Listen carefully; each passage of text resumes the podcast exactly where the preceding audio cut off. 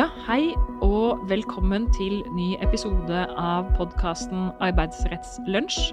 Jeg heter Lill Egeland, og jeg er advokat i advokatfirmaet Simonsen Fugt Vik. Og dette er en eh, Christmas edition av eh, Arbeidsrettslunsj-podkasten. I dag er det 23. desember, dagen før julaften, lille julaften. Ribba skal snart i ovnen. Og jeg tenkte at vi skulle kjøre en oppsummering av det arbeidsrettslige året 2020. Og en oppsummering, det blir jo nødvendigvis litt subjektivt. Jeg mener, hver eneste måned så eh, kommer det jo ganske mange dommer, ganske mange eh, forskrifter og rundskriv og uttalelser fra tvisteløsningsnemnd osv. Og, så og det er jo det som er veldig spennende med å jobbe arbeidsrett. Det skjer ekstremt mye hele tiden. Og det betyr også at når jeg gir dere en oppsummering av året 2020, så blir det jo relativt subjektivt, da. Selvfølgelig med et hint av en vurdering rundt hva er det som er viktig juridisk, men også litt sånn for å illustrere noen morsomme saker og vanlige saker og problemstillinger som man som arbeidsgiver står oppi. Og som vanlig er jo oppfordringen veldig klar når det gjelder denne podkasten, kom deg ut på tur. Det er det å komme seg ut og, og, røre litt på seg, få litt dagslys. Det er noe av det viktigste du gjør for å komme deg gjennom denne slitsomme eh, koronatiden. Eh, denne mørke tiden nå før sola snur, som den jo gjør 21.12. Og det har vi lyst til å bidra med. Så kom deg ut, ut på tur, og få med deg litt av året 2020 fra den arbeidsrettslige fronten. Og jeg tenkte jeg skulle gå gjennom dette kronologisk, jeg. Og da begynner jeg i januar. Og i januar så er det faktisk ikke noe spesielt å melde. Det kommer jo alltid litt sånn, det går litt treigt eh, som regel i begynnelsen av året, og det gjorde det i 2020 også. Men allerede i februar så får vi vår første høyesterettsdom. Og den ligger litt på siden av den tradisjonelle arbeidsrettslige kjernen, fordi det er en straffesak, men det er likevel en sak som det er viktig å være oppmerksom på. Mange av dere har sikkert hørt om den såkalte Veireno-skandalen, den søppeltømmingsskandalen hvor eh, det ble jobbet ekstremt mye overtid i selskapet i, som hadde kontrakt med Oslo kommune. I denne høyesterettsdommen så er, var daglig leder i selskapet tiltalt for brudd, store brudd på arbeidstidsbestemmelsene i loven. Og Høyesterett kom til at han skulle dømmes til fengsel i 120 dager for disse bruddene på arbeidstidsbestemmelsene. Og når jeg tar opp denne dommen, så er det fordi at man skal jo ikke miste av syne at det er det, den ultimate konsekvensen av brudd på arbeidsmiljøloven. Det er nemlig straff, og i worst case fengsel, sånn som eh, Jonny Enger, daglig leder for Veireno, opplevde.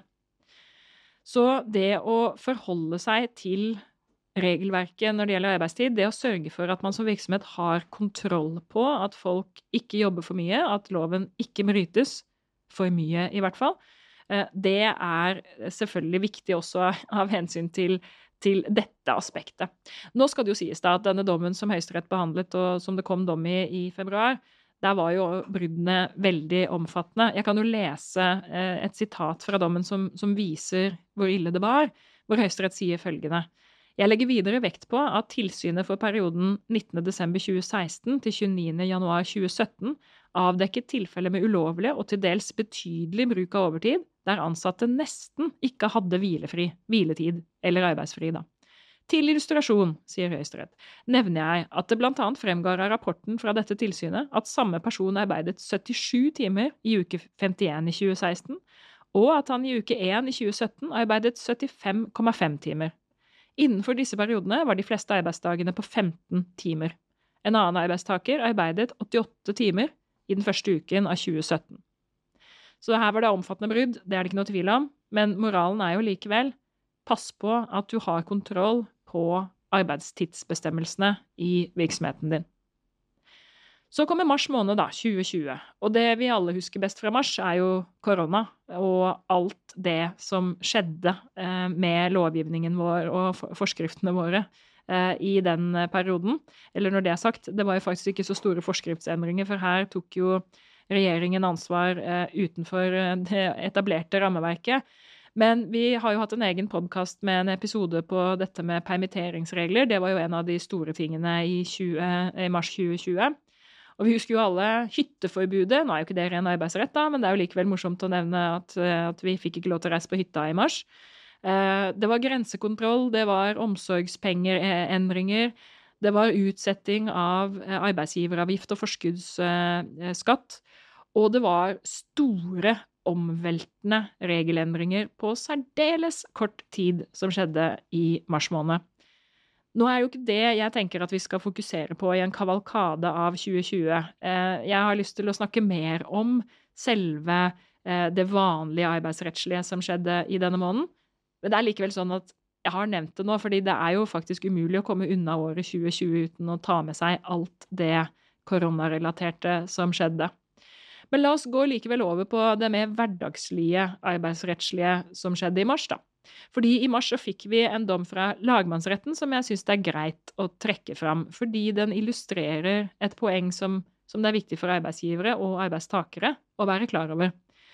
I denne saken fra lagmannsretten så var det en eiendomsmegler som hadde sagt opp jobben sin, og så ble han avskjediget i oppsigelsestiden. Arbeidsgiver sa altså til han at nå, dette finner meg ikke i, du må uh, gå hjem, og du får ikke noe lønn mer. Det er jo den mest alvorlige personalmessige sanksjonen uh, avskjed. Da opphører arbeidsforholdet umiddelbart. Og hva hadde skjedd? Jo, det som hadde skjedd, det var denne eiendomsmegleren hadde jo sagt opp jobben sin etter eh, ganske mange år i virksomheten. Og så hadde han lagt ut en Facebook-post og sendt en mail som arbeidsgiver reagerte kraftig på, og som da ledet til at han ble avskjediget. Og i den Facebook-posten som han først, først, la ut, og den, denne la han ut da eh, i, eh, på vårparten av året, så sier han planlegging er halve jobben. Går du med planer om å selge din bolig til høsten? Da er tiden inne for å starte prosessen nå. Og så oppgir han da telefonnummeret sitt, eh, og eh, han oppgir eh, mailadressen sin til, til, sin gamle arbeidsgiver. Og dette blir også lagt ut på hans gamle arbeidsgivers Facebook-post. Utfordringen, og det arbeidsgiver klart reagerer på, det er at hvis han skal selge boligen sin til høsten, da er jo det et tidspunkt hvor han ikke lenger befinner seg i dette selskapet lenger. Tvert imot. Han har fått seg jobb hos konkurrent. Sånn at folk som eventuelt har kontakt med han for å selge boligen sin på høsten, de vil jo ringe han, og, og da vil virksomheten eller denne salget det vil gå til en annen virksomhet, nemlig konkurrenten. Og så blir det ikke bedre da av at arbeidstaker dagen etterpå sender ut fra mailadressen sin hos denne arbeidsgiveren en mail til eh, litt over 100 kunder og sier at hei, hei, nå slutter jeg her. Eh, jeg jobber fram til juni, og etterpå så kommer jeg til å jobbe for den og den arbeidsgiveren. Eh, og jeg kommer til å fortsette å jobbe med eiendomsmegling i dette distriktet. Håper å høre fra deg. Dette var det som Det var dråpen for arbeidsgiver. Arbeidsgiver eh, avskjediget arbeidstaker og sa at vedkommende hadde opptrådt grovt illojalt. Det var arbeidstaker ikke enig i, gikk til søksmål, og saken havnet da eh, til slutt i lagmannsretten. Og lagmannsretten den kommer da til at dette var en rettmessig avskjed. Og det, arbeids, nei, det, det lagmannsretten da eh, legger, særlig vekt på, det er at de handlingene som han gjorde, nemlig det å sende den mailen og det å sende den posten, det var et klart tillitsbrudd som også var potensielt skadelige for arbeidsgiver. Fordi arbeidsgiver jo risikerte å miste eh, business, rett og slett. Eh, dette var, eh, kunne ses på som et forsøk på å prøve å lokke kunder over til den nye arbeidsgiveren.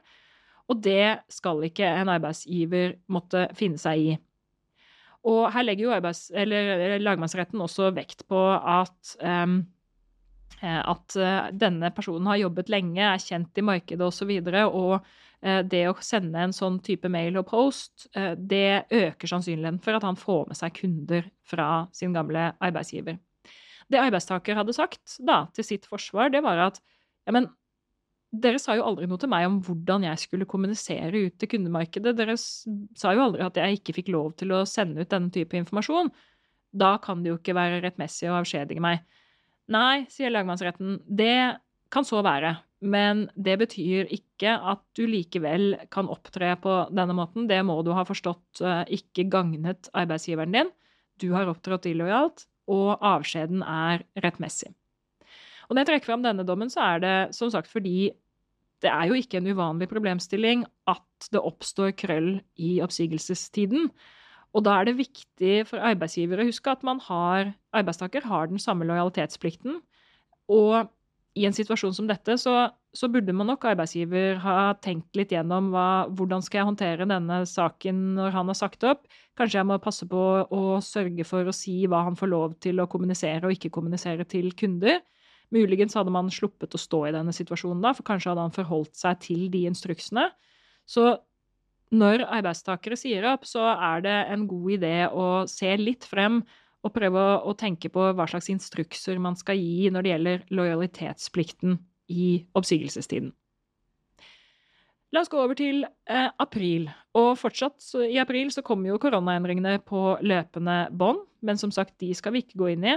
Det jeg har lyst til å si noen få ord om, det er en ganske spennende proposisjon som sendes til Stortinget denne måneden her, og som senere ikke så veldig mye senere, blir eh, til en lov. Altså da, da, kommer det en anbefaling om, om, at noe skal bli en lov, og så blir det vedtatt en lov. Og den proposisjonen, den foreslår at man skal legge tilsynsmyndighet til Arbeidstilsynet når det gjelder det å sjekke om vilkårene for innleie fra vikarbyrå er oppfylt.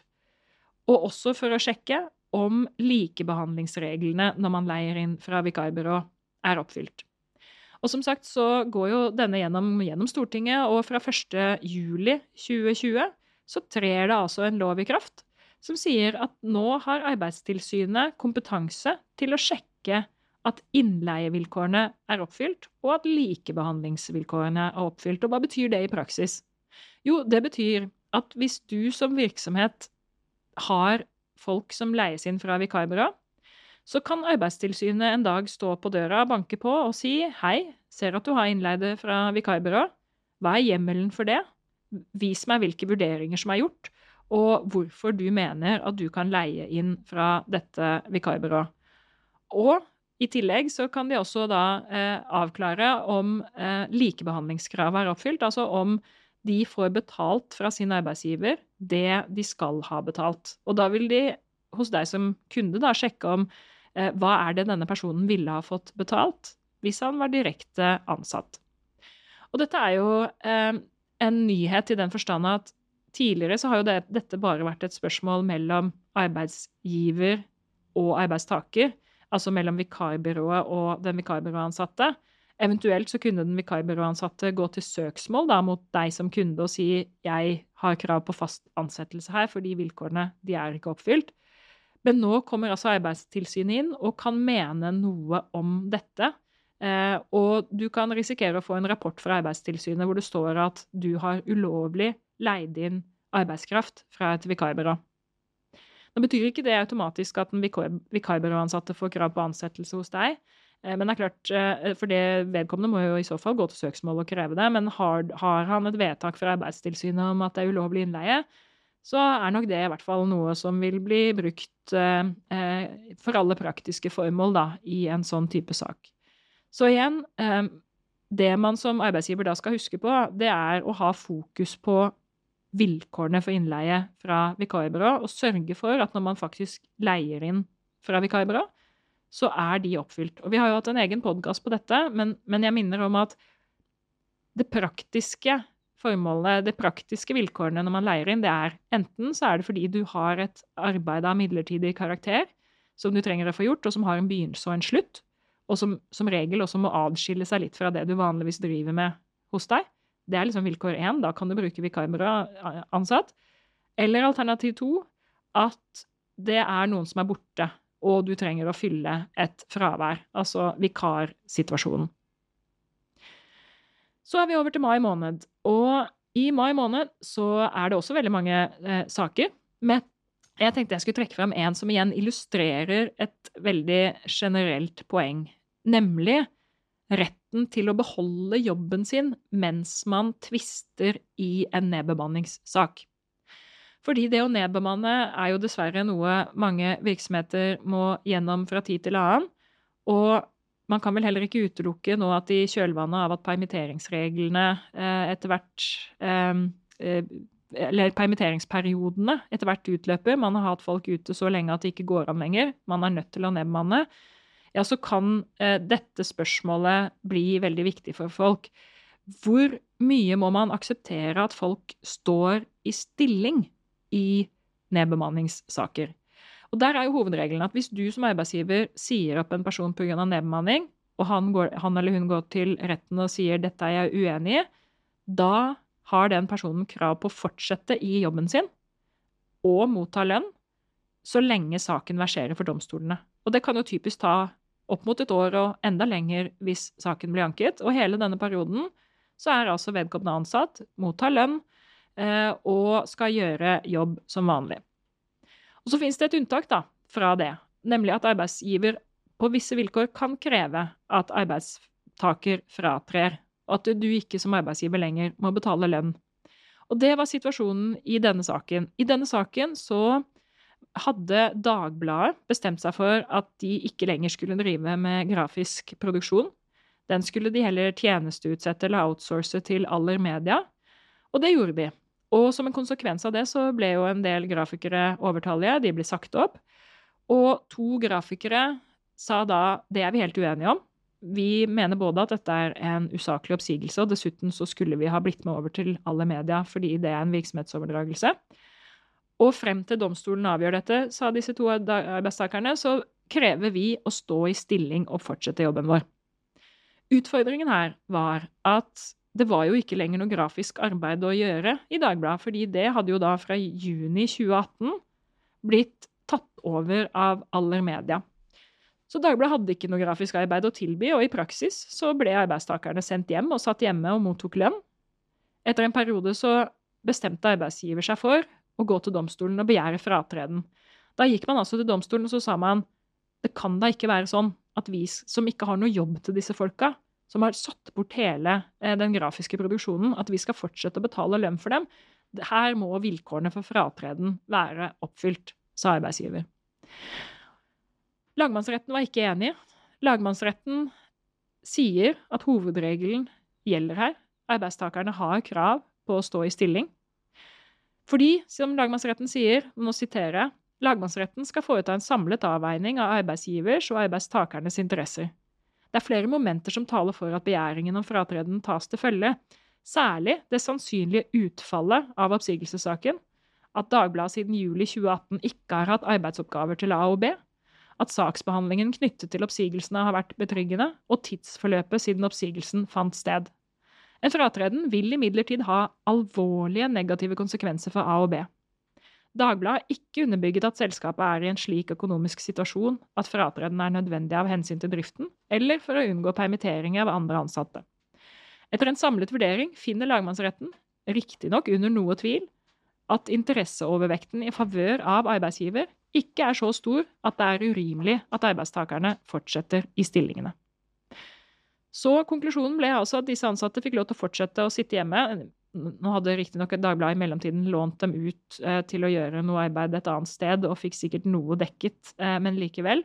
Det var altså da sånn at man måtte ha dem på jobb eh, frem til saken ble endelig avgjort. Det var mai måned. Hvis vi nå går over til juni måned, så har vi faktisk to høyesterettsdommer. Den ene dommen kommer jeg til å snakke om eh, i dag. Og så kjører vi en ny episode i, eh, om en uke, som da blir på eh, lille nyttårsaften. Hvor vi får siste del av året gjennomgått. Men la oss begynne med denne første dommen, høyesterettsdommen fra juni måned. Og det dreier seg om suspensjon. Fordi Suspensjonsreglene er jo sånn at en arbeidsgiver som mistenker at en arbeidstaker har gjort noe som kan medføre avskjed, den arbeidsgiveren kan suspendere arbeidstaker og si arbeidstaker, nå må du gå hjem mens jeg undersøker om vilkårene for avskjed er oppfylt her. Jeg er nødt til å eh, gjøre noen undersøkelser for å finne ut av det. Og i mellomtiden så sender jeg deg hjem med lønn, og så får du sitte hjemme mens jeg finner ut av det. Og så skal jeg komme tilbake og ta endelig stilling til saken. Og i denne saken her så var det snakk om en eh, arbeidstaker i en kommune som hadde en deltidsstilling. Hun jobbet eh, 63,38% som avdelingssykepleier. Og så ble hun varetektsfengslet, eh, mistenkt for brannstiftelse. Og da ble hun suspendert fra jobben sin. Og det tok jo tid, sånn som det gjør i straffesaker, før eh, denne saken eh, kom opp. Og eh, hun ble først suspendert da i november 2015. Og så fikk hun avskjed i desember 2016. Så hun var suspendert i et drøyt år. Og så kommer problemstillingen på spissen, nemlig hva slags lønn er det hun skal ha i denne suspensjonsperioden? Arbeidsgiver mente at hun skulle ha lønn i den 63,38% stillingen som hun hadde, som var hennes avtalte stilling. Men det denne arbeidstakeren sa, var ja, men jeg har jo jobbet eh, mange ekstravakter i den perioden før jeg ble suspendert. Sånn at lønna mi i perioden før, den var jo mye høyere enn det den tilsvarer i en 63,38% stilling. Så jeg skal ha den høyere lønnen som eh, jeg hadde fått eh, hvis jeg hadde lagt på den ekstraarbeidet. Og der sier Høyesterett nei, du skal ikke det.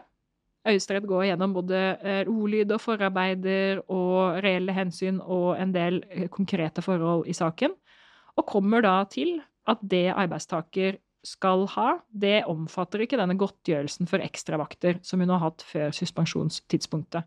Det er den avtalte lønnen i den stillingsprosenten hun har, som hun skulle ha gjennom suspensjonen.